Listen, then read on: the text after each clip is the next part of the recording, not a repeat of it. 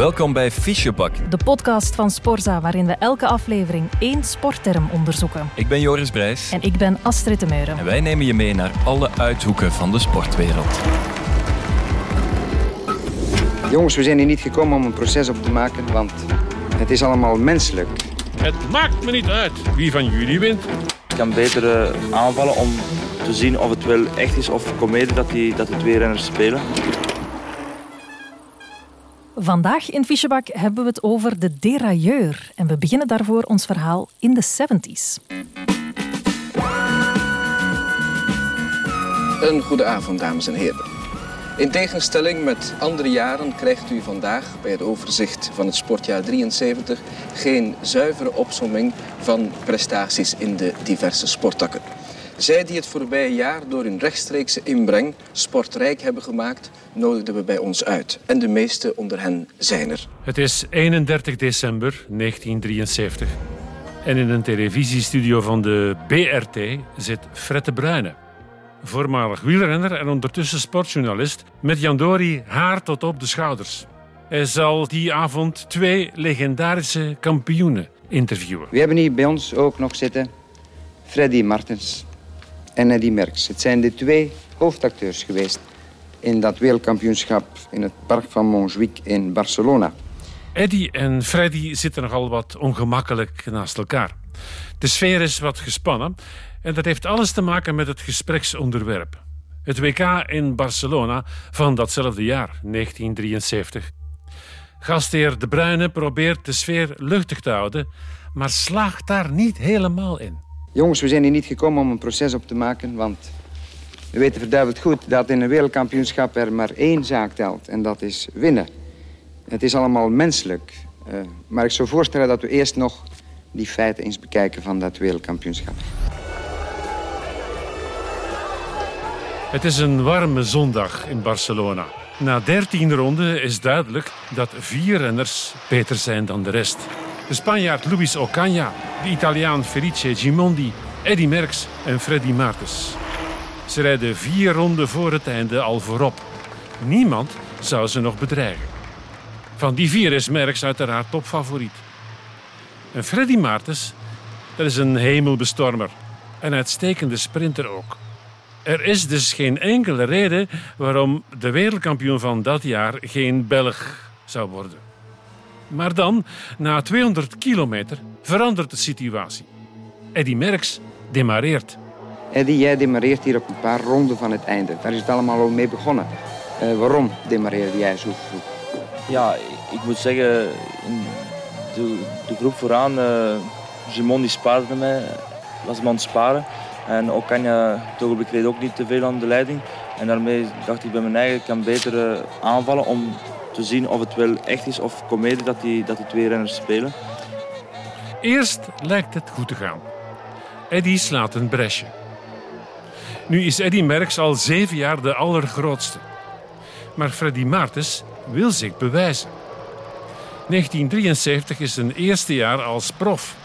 En nu, in de slotfase van zijn allereerste WK, ligt de regenboogtrui voor het oprapen. Wanneer Freddy ziet dat de anderen niet kunnen volgen, grijpt hij zijn kans en rijdt hij spoorslags naar Merckx toe. En Freddy Martens, uh, waarom ging jij achter Merckx? Wel ja, ik voel mij goed op het einde. Op dat moment dus ik heb eerst gewacht wat Simon en Ocandia deden dus. En dan ben ik er alleen naartoe gesprongen. Dus op dat moment uh, reed iedere Belg voor zichzelf? Ja, zeker wel. Iedere Belg voor zichzelf. Dat is dan buiten die Spanjaard en die Italiaan gerekend. Tegen alle verwachtingen in dichten Gimondi en Ocaña de bres. Op drie ronden van het einde zijn ze dus nog altijd met vier. Een plan dringt zich op. Merckx vindt dat hij als heerser moet winnen. En hij vindt die tegenreactie van Maartens ongehoord. Dus vraagt hij Maartens om een dienst. Ga jij voor mij de sprint aantrekken? En jawel, Freddy Maartens offert zijn kansen op door die sprint in te leiden. Ja, zeker en vast. Dus er is een bepaald moment in de wedstrijd geweest dat ik ja, mij niet heel goed mee voelde. Dus. En Eddie kwam zeggen dat hij fantastisch reed. Dus ik denk toch dat het mijn plicht was dus, voor, voor hem te rijden. En dus plaveit Maartens de weg naar de overwinning voor Merckx. Hij doet dat echter zo hard dat Merckx blokkeert. Hij geraakt niet voorbij het wiel van Maartens. Gimondi daarentegen die gaat de sprint wel vol aan. Hij komt wel aan het wiel van Freddy Maartens. Die Maartens die kijkt verschrikt om en ziet niet Merckx, maar Gimondi komen.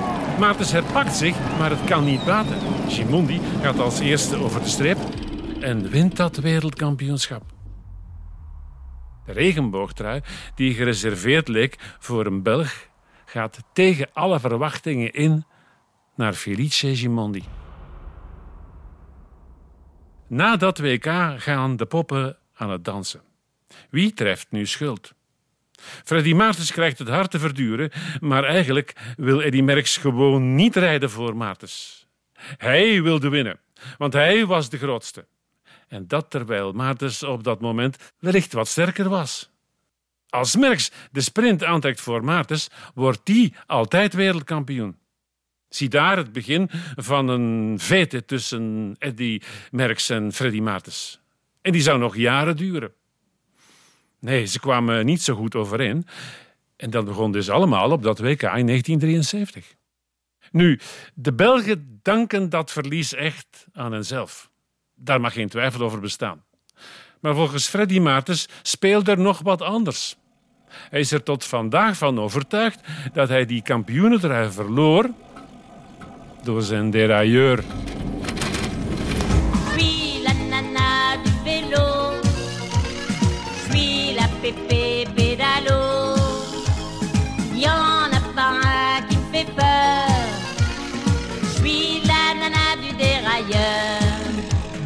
Welkom bij Fischebak. Vandaag gaan we in Fischebak op trektocht door de wereld van, jawel, de derailleur. En dan zitten we natuurlijk bij het wielrennen. Bij mij zit de gids die mij gaat leiden, Michel Wuits. Dag Michel. De Astrid. Een man die eigenlijk geen introductie nodig heeft. Volgens mij sta jij op en ga je slapen met wielrennen. Ja. ja, dat is zo. En met mijn fichebak. En met je fichebak. Ja. De podcast heet al dan niet toevallig ook De Fichebak. Mhm. Eh, jij gaat nergens naartoe volgens mij zonder de jouwe. Eh, nee, nee, nee. En eh, mijn vrouw ma- maakt zich haast elke dag boos om het feit dat die fichebak nauwelijks op een armlengte van mij staat. Die staat het ergens in de weg. Overal en altijd. Zij aan tafel, het zij in de zetel. Maar als ik iets hoor, dan moet ik dat zo snel mogelijk noteren. Ik wil dat dat voor de eeuwigheid verankerd wordt op de fiche van die bepaalde renner. Wie is de grootste liefde, je vrouw of de fichebak? Mijn vrouw zal ik hier niet maar zeggen. Weet je nog wanneer je daar ooit mee bent begonnen?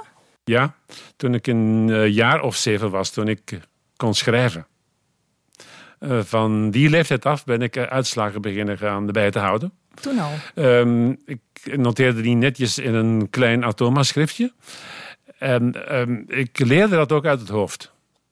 Ik was een moeilijke slaper en om in eh, slaap te geraken kwam ik eigenlijk niet aan eh, wolkjes of schaapjes tellen toe, maar wel eh, wereldkampioenen opsommen of winnaars van de Ronde van Frankrijk. En dat ging steeds verder, want ik wilde ook in die opsomming van zo'n WK-lijst er iedere keer bij zeggen wie was tweede, wie was derde en waar gebeurde dat dan.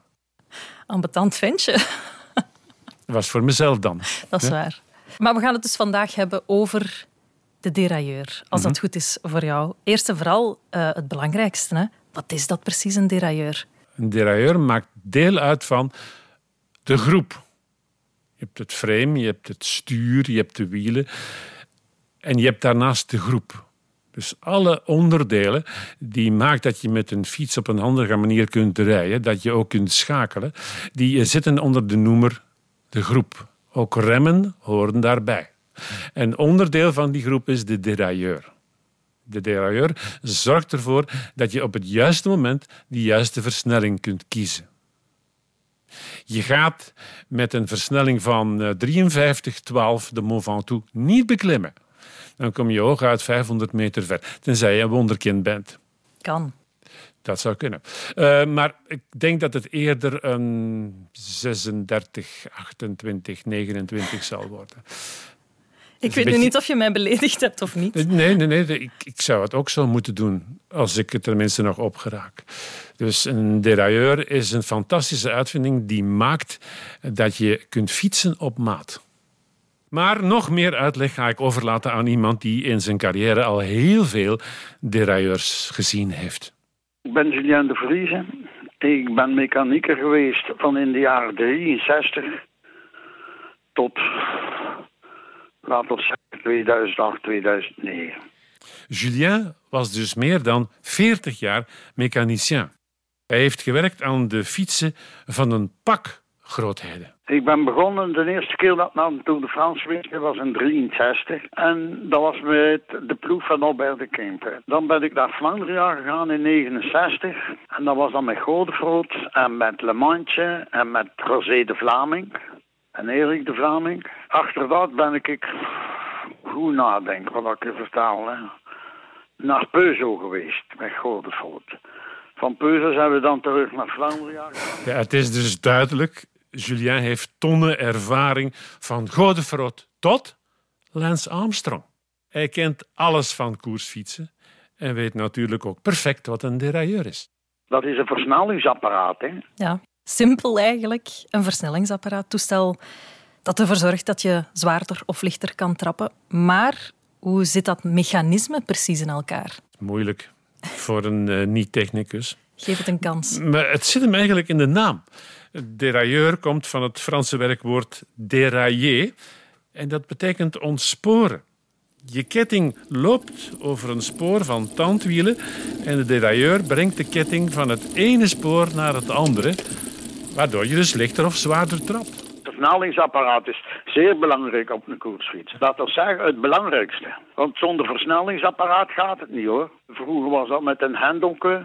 De coureur moest zelf regelen voor, dat, voor te veranderen van, van, van verzet, gelijk dat wij zeggen. En dat, moest, dat was niet zo gemakkelijk. En daarna zijn ze gekomen met een hendel met een kliksysteem. En dat was klik, klik. En iedere keer dat de kliksje gaf, veranderde dat van achter. Nu is dat allemaal elektronisch en daar weet ik geen cent van. Heerlijk. Uh, Julia kan het heel mooi vertellen. Uh, we gaan er zo meteen nog in detail verder over praten. Maar laten we vooral nog eens teruggaan naar dat verhaal dat je net uh, vertelde van Eddy Merckx en Freddy Martens. Want je bent daar gestopt met een serieuze cliffhanger. Freddy Maartens' overwinning op het wereldkampioenschap in 1973 was van hem gestolen. En dat zou komen door zijn derailleur. Dat is het verhaal van Freddy Maartens, dat hij achteraf een aantal keer opgedist heeft. En ik ben ervan overtuigd dat de Freddy Maartens daar nu nog altijd van overtuigd is. Ja. Maar het was wel een gerucht dat ontstond na dat wereldkampioenschap. Wellicht om het verlies, het onwaarschijnlijke verlies van de Belgen, wat te verdoezelen. Het zit zo. Um, Felice Gimondi zou die regenboogtrui niet op een eerlijke manier gegrepen hebben. Daar zijn overigens Merckx en Maartens het over eens. Gimondi zou het vuil gespeeld hebben. Klaarblijkelijk toch? In die fameuze eindsprint. U ziet dat uh, Gimondi, en die Merspurt in het midden, Martens links. En letten we op naar uh, Gimondi, hoe die van zijn lijn afwijkt. Uh, en die, kijk, die gaat wel met mij akkoord en nog even tegen Freddy gaat aanleunen. Gimondi wijkt eigenlijk nauwelijks van zijn lijn af. Zet hooguit heel even zijn elleboog, waardoor Martens wel even remt en Gimondi als eerste over de streep rijdt. Absoluut. Uh, volgens mij heeft, heeft Gimondi uh, Freddy Martens uh, absoluut geïnderd en moest hij normaal gedeclasseerd worden van deze plaats. Ik denk dat in, in normale spurt dat dat niet mag gebeuren, want hij heeft echt gaan op de schouders leunen van, van Freddy Martens. Ja, al dan niet onsportief gedrag van de kant van Gimondi, volgens Maartens en volgens Merck. Ze gebruiken het een beetje als excuus. Maar wat heeft dat dan met de derailleur van Freddy Maartens te maken? Wel, in de jaren 70 reden ze goed als alle renners met de derailleurs van het uh, grote huis Campagnolo. Het walhalla van de groepen van de derailleurs. Die vind je overigens vandaag nog altijd. Maar in die tijd was Campagnolo absolute marktleider. En dat was zo omdat ze dood eenvoudig de allerbeste waren. Het brein achter die uitstekende derailleurs was Tullio Campagnolo. Hij was gepassioneerd door alles wat met fietsen te maken had en begon in de jaren twintig als jonge gast in de ijzerwinkel van zijn vader derailleurs te ontwerpen en ook in elkaar te prutsen. En dat bleef hij doen tot hij 50 jaar later zo goed als alle concurrentie van de kaart had geveegd. Iedereen reed met Campagnolo. Ik ook. Tot in 1973. Flandria, de ploeg rond Freddy Maartens met Maartens als kopman, startte het nieuwe wielerseizoen met nieuwe derailleurs van het Japanse Shimano.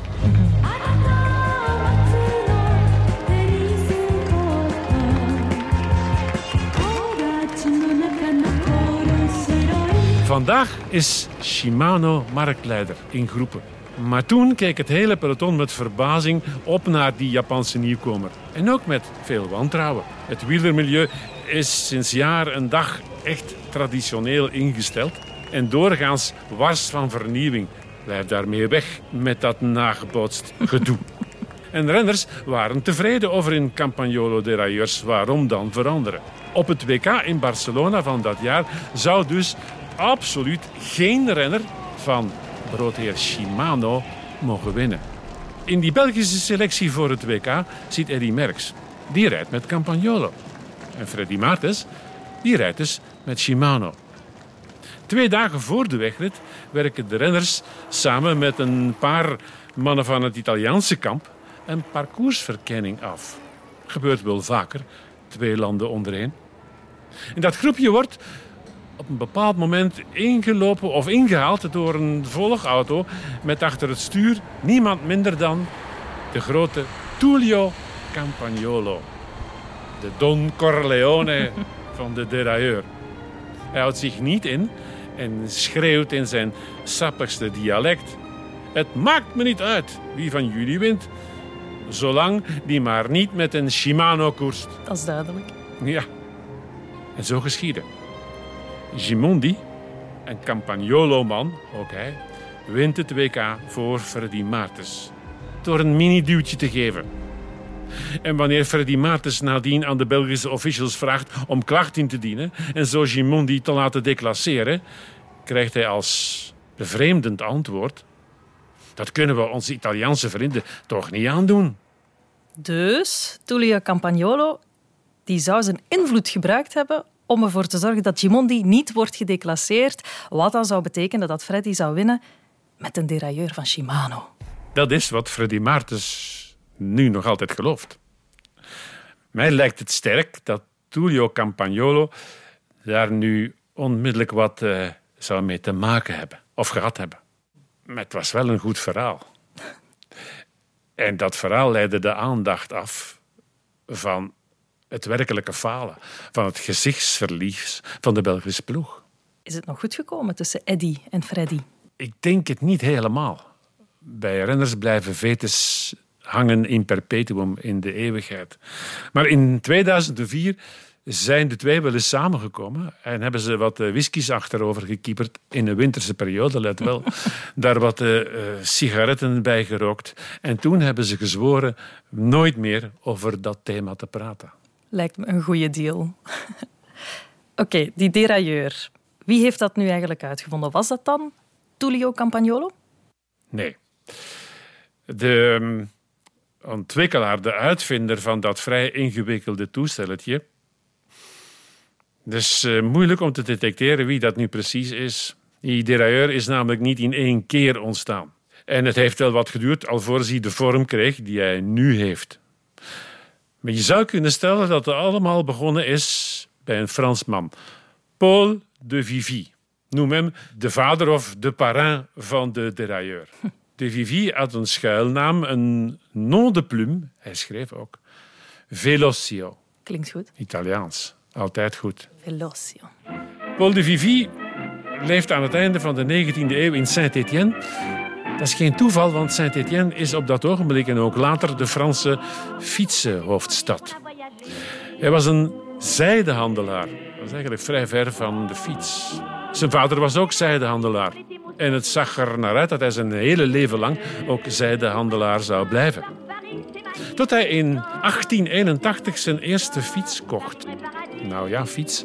Een velocipede. Je kent dat wel. Dat is zo'n heel hoog ding met een reuze groot voorwiel en een klein belachelijk minuscuul achterwieltje. Bij ons heette dat een hoge bie. Van circus. Ja.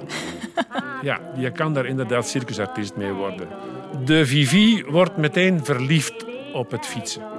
Hij laat de zijdebusiness vallen en richt een magazine op, een tijdschrift, Le Cycliste. Onder zijn pseudoniem, Velocio dus, schrijft hij over de vele plezierige ritjes die hij maakt. En hij wordt op eh, die manier een van de grondleggers van wat je nu het wielentoerisme zou kunnen noemen. Fietsen voor het plezier, dus daar komt het bij hem op aan. Het komt er bij hem niet op aan om hijgend als eerste over de streep te komen. Snap ik. Tijdens een van die uh, plezante ritjes op de Col de la République, dat is even buiten Saint-Étienne, in 1889 krijgt Velocio een ingeving. Toing! Ondertussen rijdt hij niet meer op een velocipede, maar op een fiets die er al enigszins uitziet als een fiets die wij kennen. Met een ketting en met twee wielen die Jandori even groot zijn. Terwijl hij die helling, nou klim, temt, wordt hij voorbijgesneld door een van zijn lezers. En wat doet hij tijdens het klimmen, tijdens het eh, rijden? Hier rookt een pijp. Die lezer? Ja. De Vivi voelt zich uiteraard gekleineerd. Maar ook in de steek gelaten door zijn materiaal. Hij zou een groter tandwiel kunnen installeren op zijn fiets om nog makkelijker te klimmen. Maar dan zouden ze hem voorbij snellen op vlakke stukken. Op dat moment kiemt in zijn hoofd het zaadje van, en nu komt het, de derailleur. Want stel je voor dat je zou kunnen wisselen tussen tandwielen van verschillende afmetingen. Dan verandert de hele wereld. Game changer. Velocio was een handige Harry. Dus de railleurs ontwerpen en maken doet hij gewoon zelf. En telkens hij een nieuw type ontwikkelt, schept hij er een duivels genoegen in om s ochtends de Col de la République te gaan beklimmen. Goedige mens. En daarbij renners zonder derailleur in te halen. Een karaktertje. Mag je wel eens stellen. Dat karakter heeft ervoor gezorgd dat die eerste derailleurs het levenslicht zagen. De Vivi stierf trouwens op de fiets. Hij moest uitwijken voor een auto en kwam zo onder een tram terecht. De Vivi ligt begraven op de flanken van zijn geliefde Col de la République. De plek waar hij ook op het idee kwam voor die derailleur. Mogen we Velocio Paul de Vivi dan ook aanduiden als de uitvinder van de derailleur? Ja, daar komen we weer terug op dat uh, wat vreemde aspect van uitvindingen. Wie heeft nu in godsnaam dat ding uitgevonden? Dat is moeilijk om daar een precieze datum of mens op te plakken. Maar het blijft in elk geval een fascinerende zoektocht. In de begindagen van de fiets, zo rond 1880, stonden de pedalen nog op de wielen, op het voorwiel. Een fietsketting bestond niet. Toen die een tijdje later wel werd uitgevonden, was het een kwestie van tijd voor men begon te experimenteren met tandwielen en met kettingen. Astrid, heb jij al uh, gehoord van flip-flop naven? We zitten niet in de gymnastiek. Of op het strand. Uh, klinkt geestig, maar nee, ik ken het niet. Wel, die uh, flip-flop naven die stonden aan wielen met twee verschillende tandwielen. Eén aan elke kant. Wanneer je van versnelling wilde veranderen, en nu komt het, dan moest je je wiel demonteren, eruit halen, omdraaien, er weer inschuiven. Tijdrovend. Behoorlijk. Onhandig. Maar toch slim gezien. Die tandwielen die verschilden trouwens niet zo heel veel in grootte, want kunst is altijd spanning te houden op de ketting. Dus het verschil mocht maar een paar tandjes groot zijn. Ondertussen waren mensen bezig met het ontwerpen van een nog beter systeem. Daar zijn patenten van terug te vinden. De Britten claimen dat zij eerst waren. En de Fransen die zeggen van, ah nee, wij waren voor de Britten. Paul de Vivi die, uh, hield zich niet bezig met patenten. Die ontwierp zijn derailleurs om op zijn eigen fietstochten meer plezier te hebben. En niet om als uitvinder geboekt te blijven. De ontwerpen die volgen elkaar in een snel tempo op. De ene steeds beter en lichter dan de vorige. In 1904 krijgt een Vincent Piereschi een gouden medaille van de jury van de Internationale Expo van Toulon voor zijn nieuwe derailleur. Hij heeft de toen nog zeer zware logge derailleur van, hou u vast, 4 kilogram, getransformeerd tot een slank en sexy modelletje van slechts 400 gram. En toch breekt die afgeslankte derailleur van Piereschi niet door. Hoezo? Tegenkanting. Hoe goed je ook je best doet en hoe fantastisch je uitvinding is, er is altijd wel iemand, met name een faam, die daar niet kan mee leven. Geen fan van dat toestel was Henri Desgrange. En Henri Desgrange had toen al een naam als een klok. Wielrenner geweest, sportjournalist en vooral de organisator van de allereerste Tour de France. Dat was in 1903. Oké, kan tellen. Dat moet in die tijd de man geweest zijn met de allergrootste invloed in de wielerwereld. En Desgrange had een bloedhekel aan derailleurs. Want voor hem was koersen heroïek en afzien. En derailleurs, dat was voor Desgrange mechanische doping. Enkel geschikt voor mensen van boven de 45. Daar hoor jij niet bij, ik. Hij wordt daarin trouwens gevolgd door een Belg, Karel van Wijnendalen. Ook hij, vermaard als pionier van de Vlaamse sportjournalistiek en organisator van de allereerste Ronde van Vlaanderen in 1913. En vanuit zijn filosofie moet wielrennen een zuivere krachtsport zijn. En dus blijven wedstrijdleiders en bondsverantwoordelijken die onder invloed van Desgrange en van Wijnendalen leven, zich verzetten. Niet alleen tegen de derailleur.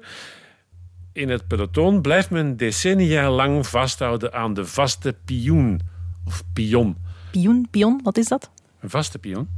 Zoals het, uh, het woordgroepje het zegt, alles staat vast. Je kan je benen niet stilhouden. De trappers blijven wentelen.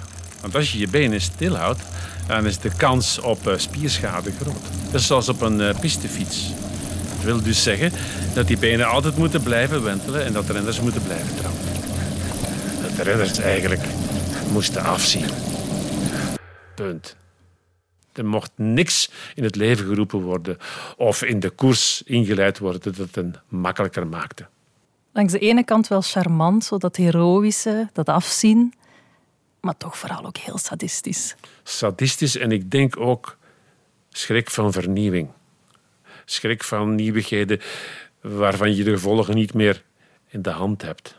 Maar ja, sadistisch. Zeker wanneer de toerdirectie in 1910 een uh, lumineus idee krijgt om de renners over hoge bergpassen te jagen. Door het gebrek aan versnellingen moet het merendeel van de renners in de Tour de France de Tourmalet op te voet. te voet. Ik mag daar eigenlijk niet mee lachen. Hè. Garrigou bijvoorbeeld, een uh, Fransman, die uh, probeerde kosten wat het kost op de fiets te blijven op die eerste beklimming van de Tourmalet in 1910. En zijn grote concurrent Lapise, die stapte af en toe af om een paar honderd meter te lopen, te stappen. Waardoor hij zijn hartslag kon laten zakken en op zijn effen kwam. En Lapise kwam als eerste boven. Toch, ja. En Lapise won ook die Tour. Maar het zou toch niet zo lang duren vooraleer iemand, de derailleur, eh, toch die Tour weet binnen te smokkelen. En wel op een heel sluwe manier.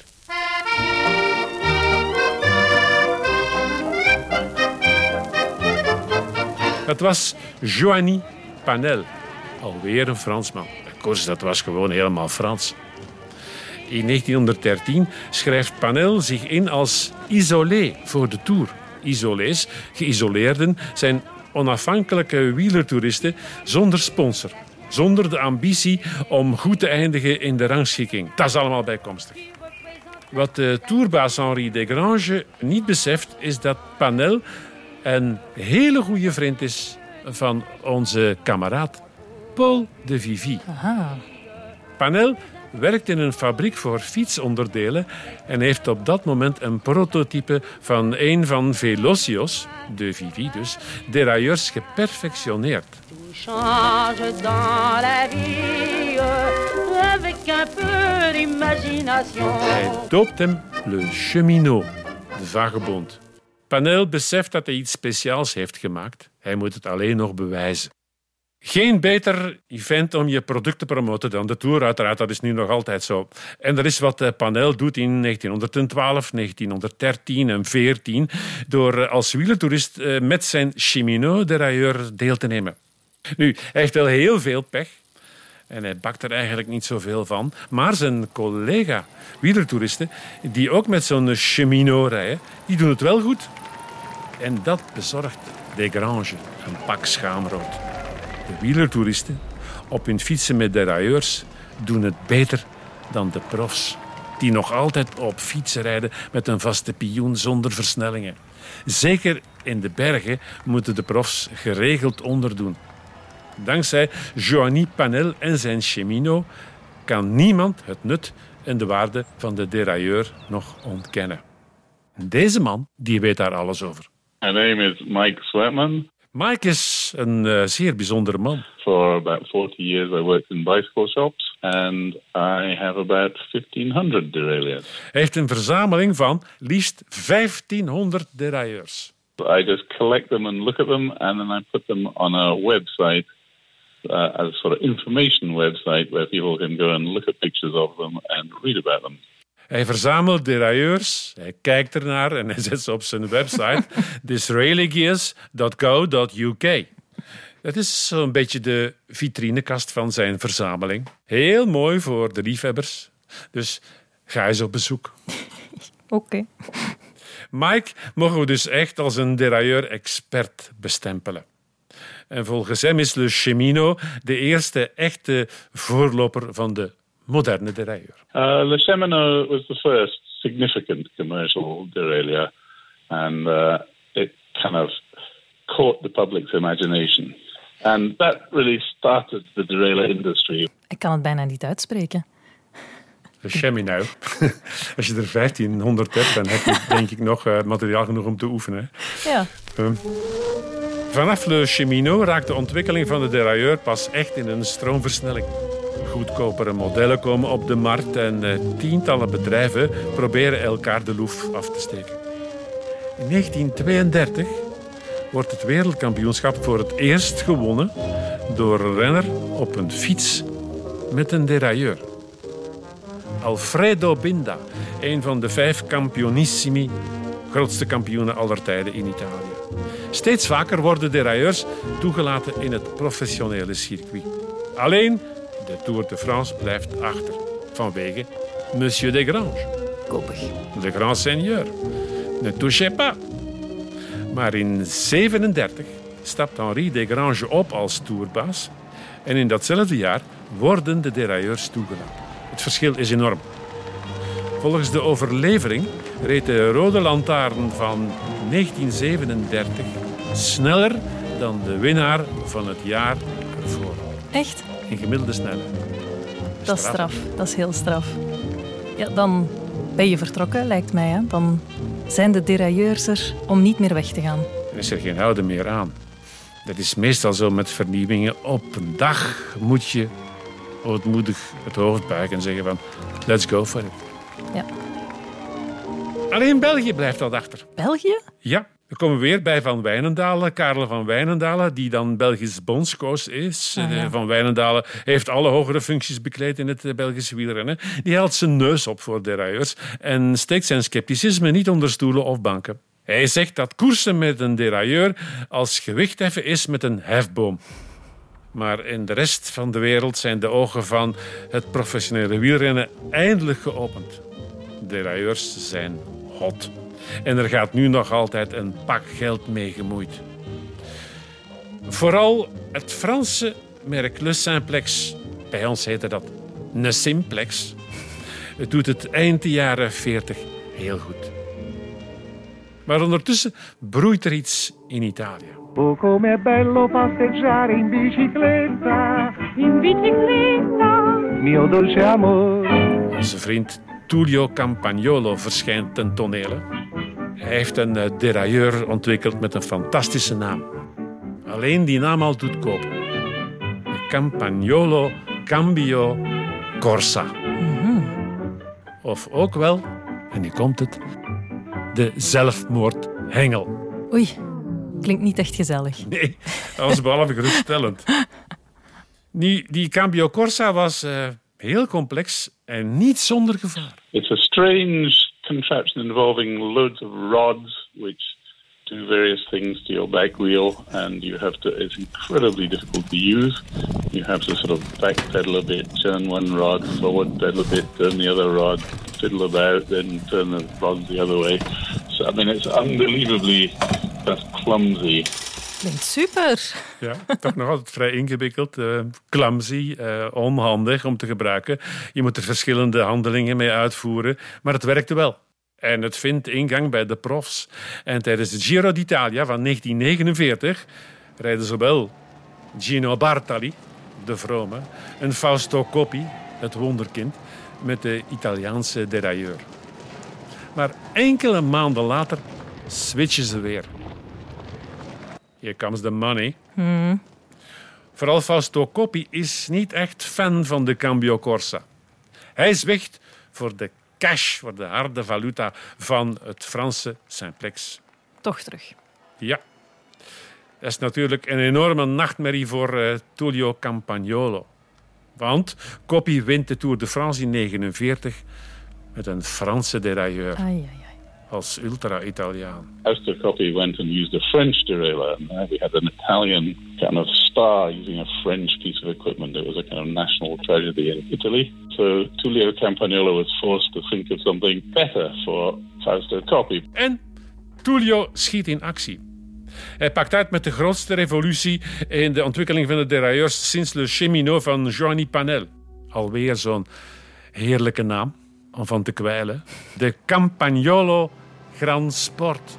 And the Grand Sport uses a parallelogram mechanism, which is the mechanism which is used by nearly all derailleurs today. And it was very strong, very reliable, it worked very well, and it kind of took over the world.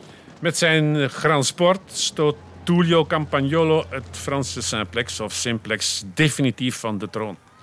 De Campagnolo Grand Sport zal maar liefst 13 jaar lang de meest verkochte derailleur blijven. Campagnolo blijft zijn apparaat ook verfijnen en is decennia lang marktleider. And for a period from the 1950s to the 1970s, nearly all Tour de France's were won using Campagnolo derailleurs. Van 51 tot en met 82, dus in 31 jaar tijd, rijden maar liefst 23 toerwinnaars met zo'n derailleur van het vermaarde huis Campa of Campagnolo. Maar we weten wel intussen al van je eerste verhaal met Merckx en Maartens dat het niet gaat blijven duren. Hè? Want in 1973 komt Freddy Maartens piepen met zijn derailleur van Shimano. Hier zijn de Japanners. Aha. Vanaf de vroege jaren 70 neemt Shimano stilaan de markt in. Om niet te zeggen over. Want ze maken goedkope derailleurs van uitstekende kwaliteit. Campagnolo heeft zich in die periode gewoon laten in slaap wiegen door de Japanners. Volgens Campagnolo was Shimano pro, goedkope namaak. Maar in werkelijkheid waren Japanners innovatief. Echte vernieuwers. De doodsteek voor de Europese producenten komt er in 1984. Shimano zorgt voor een revolutie. Door het lanceren van het Shimano Indexed Shifting System, of het SIS. Het Shimano Indexed Shifting System. Zal je toch moeten uitleggen, Michel? Ik ga mijn moed bijeenschrapen. Dat uh, SIS of SIS-systeem werkt met geïndexeerde versnellingen. Dat heb ik een paar keer moeten opoefenen. Dat zijn versnellingen zoals we die vandaag kennen. Daarvoor werkten alle derailleurs met friction shifting. Friction, frictie, wrijving. Vergelijk het met een oude radio.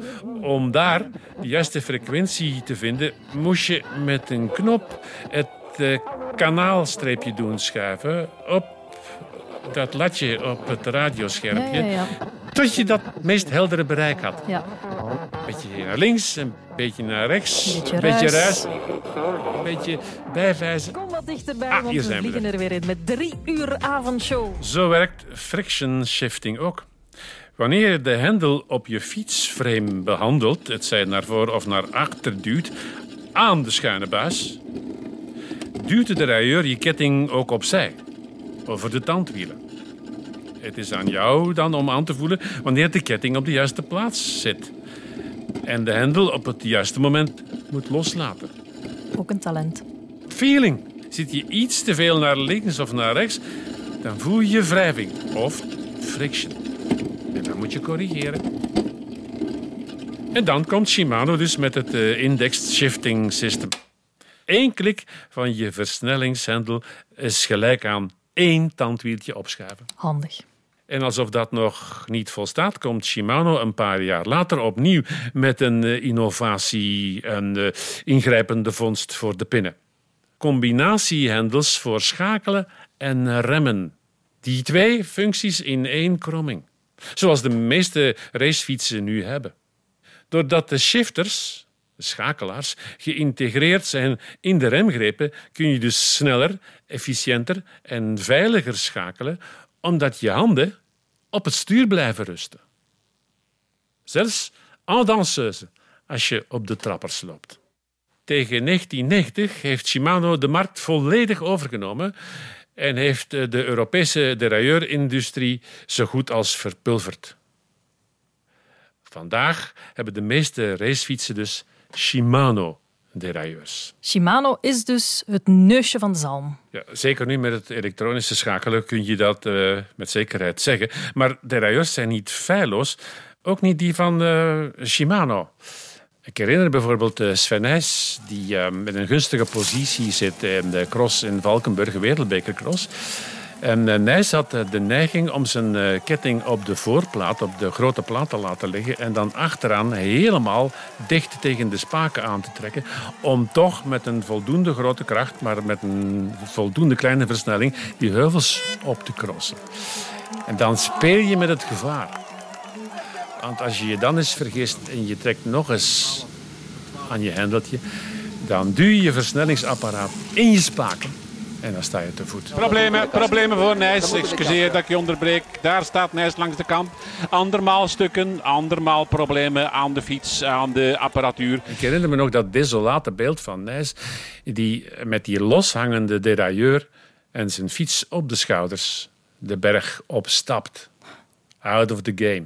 Ja, ze kunnen wel degelijk voor veel pech zorgen, ook die derailleurs. Dus toch ook wel heel fragiel. Ja. Maar hoe komt dat dan? Wel, ik speel eh, de bal of het wiel door. Om die vraag te beantwoorden belden we iemand die dag in dag uit met derailleurs en fietsen bezig is. Kevin Suarez. Hij is de mechanicien van Victor Kampenaars bij NTT Pro Cycling. dat is fijne mechaniek. Ik zal niet ge- zeggen dat het gelijk een horloge eh, begint te zijn, maar eh, we hebben 11, 12, nu zelfs 13 eh, versnellingen bij, bij sommige merken. 11 speed. Dat is achteraan een blokje van eh 11 tandwieltjes. Van groot naar klein. Hoe kleiner die eh, tandwieltjes, hoe smaller de ketting ook moet worden. En smaller Ja. gaat alleen maar brozer worden. Tenzij je natuurlijk nieuwe grondstoffen, nieuwe materialen ontdekt die zoiets onbreekbaar maken. Maar mijn ervaring tot dusver zegt dat versmallen vaak gelijk staat aan slapper maken. Ja. Dus je moet er echt wel feeling voor hebben. Ik zou er niet willen aan beginnen, aan het ontwikkelen. Hè? Maar ik ben dan ook een kluns. Dat, dat, dat, dit is eh, een apparaat die, die, die schakelt misschien eh 500 keer per dag eh, van, van versnelling. Zo'n derailleur ziet vooral eh, als hij in handen komt van een prof of onder de benen van een prof waanzinnig af. Het, eh, is wel sterk genoeg voor eh, een gewone gebruik, maar eh, onze renners tegenwoordig doen heel veel eh, koersen gelijk. Strade Bianchi of eh een Parijs-Roubaix, Ronde van Vlaanderen met eh, wegen die echt geaccidenteerd zijn. En op dat moment, ja, de, de derailleur zie meer af dan bij, bij schone wegen of eh, als we met de wielertouristclub gaan op zondag. Renners halen natuurlijk ook het onderste uit de kan op hun fiets en behandelen die versnellingsapparatuur ook niet altijd met fluwelen handschoenen, zoals een eh, gemiddelde liefhebber dat doet, die 11.000 euro betaald heeft voor zijn tuig en dat elke dag opblinkt. Dan durft zo'n fragiel en fijn onderdeel bij een prof in zo'n derailleur er al wel eens begeven. Moeten we dan onze conclusies trekken en zeggen dat de derailleur zijn limiet bereikt heeft? Dat zou ik nog niet zeggen. Alles gaat vooruit. Ik ben uh, Matthias Plouvier. Ik ben medeoprichter en CEO van Classified. Classified is een Belgisch-Nederlands bedrijf dat volop de strijd aangaat met Shimano. Moedige mensen. Ze ontwikkelen momenteel een hoogtechnologische derailleur. Het gaat eigenlijk over een schakelbare achternaaf die de functie heeft van een voorderailleur. Dus de naaf is eigenlijk uh, de as van een wiel. Uh, daarin zit onze technologie verwerkt. En dat is een heel samenspel van, uh, van tandwielen en ringetjes en palletjes. Het eerste voordeel is dat je supersnel kunt schakelen. Dat gebeurt onder de 150 milliseconden.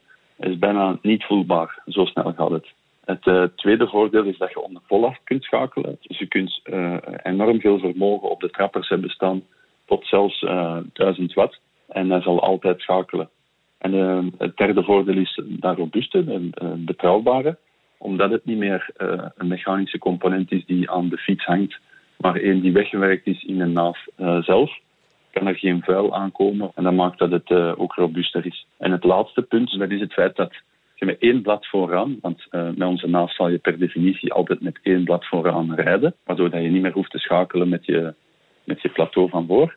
En toch uh, het, het, brede bereik hebt dat je nodig hebt om bijvoorbeeld 50 per uur te gaan op het vlakke, maar ook de Mont Ventoux op te rijden, zonder die voordelen nog te moeten schakelen. Dus, wie weet, na de Fransen, na de Italianen en de Japanners, is het misschien eindelijk de beurt aan de Belgen. Het zou zomaar eens kunnen. En als ik het zo hoor, het verhaal van de derailleur is nog niet uit, maar het hoofdstuk van de derailleur zoals we die vandaag kennen, lijkt dan toch wel op zijn einde te komen. Hoe zie jij dat? Hoe zie jij de toekomst van de derailleur? Uh, perfectionisme stopt nooit. Men zoekt altijd naar uh, steeds pietluttiger details, naar een steeds meer geperfectioneerde werking.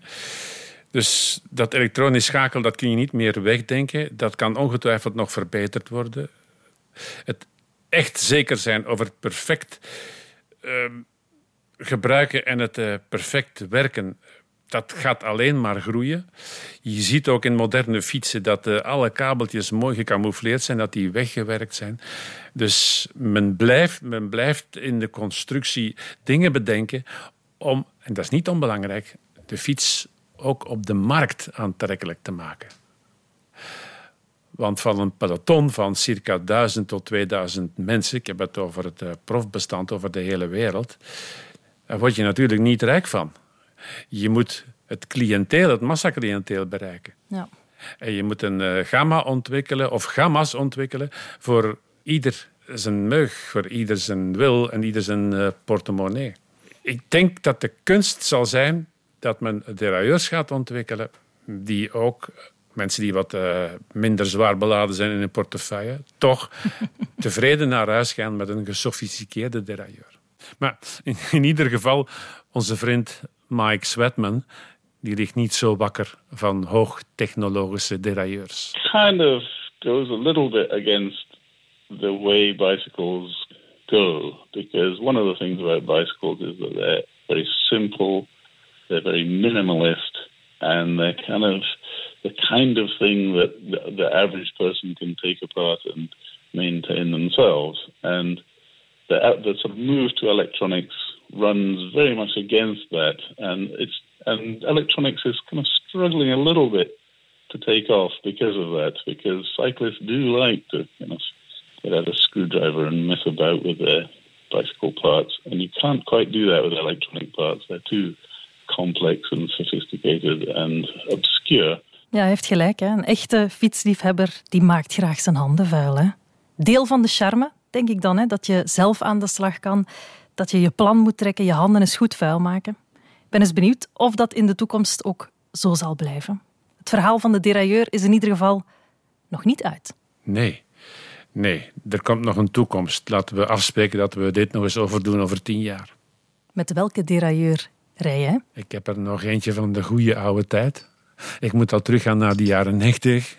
Die En ik schaam mij niet, nee. Een Campagnolo. En Dura-Ace, dat was toen een topmodel. Maar ehm, ik heb wel een triple. Niet lachen, alsjeblieft, mensen thuis. Ik heb een triple.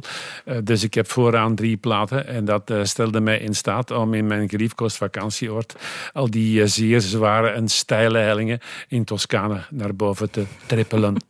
Het is u vergeven. dat is geen vergeven, hè. het was gewoon van moeten.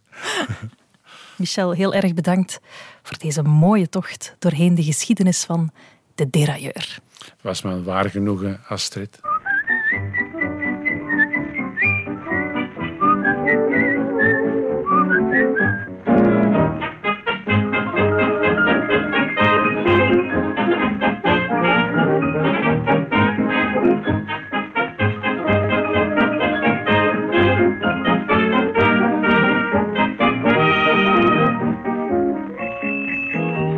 Il campanello mentre fischia un ritornello che accompagna i nostri cuori. In bicicletta, mio dolce amore,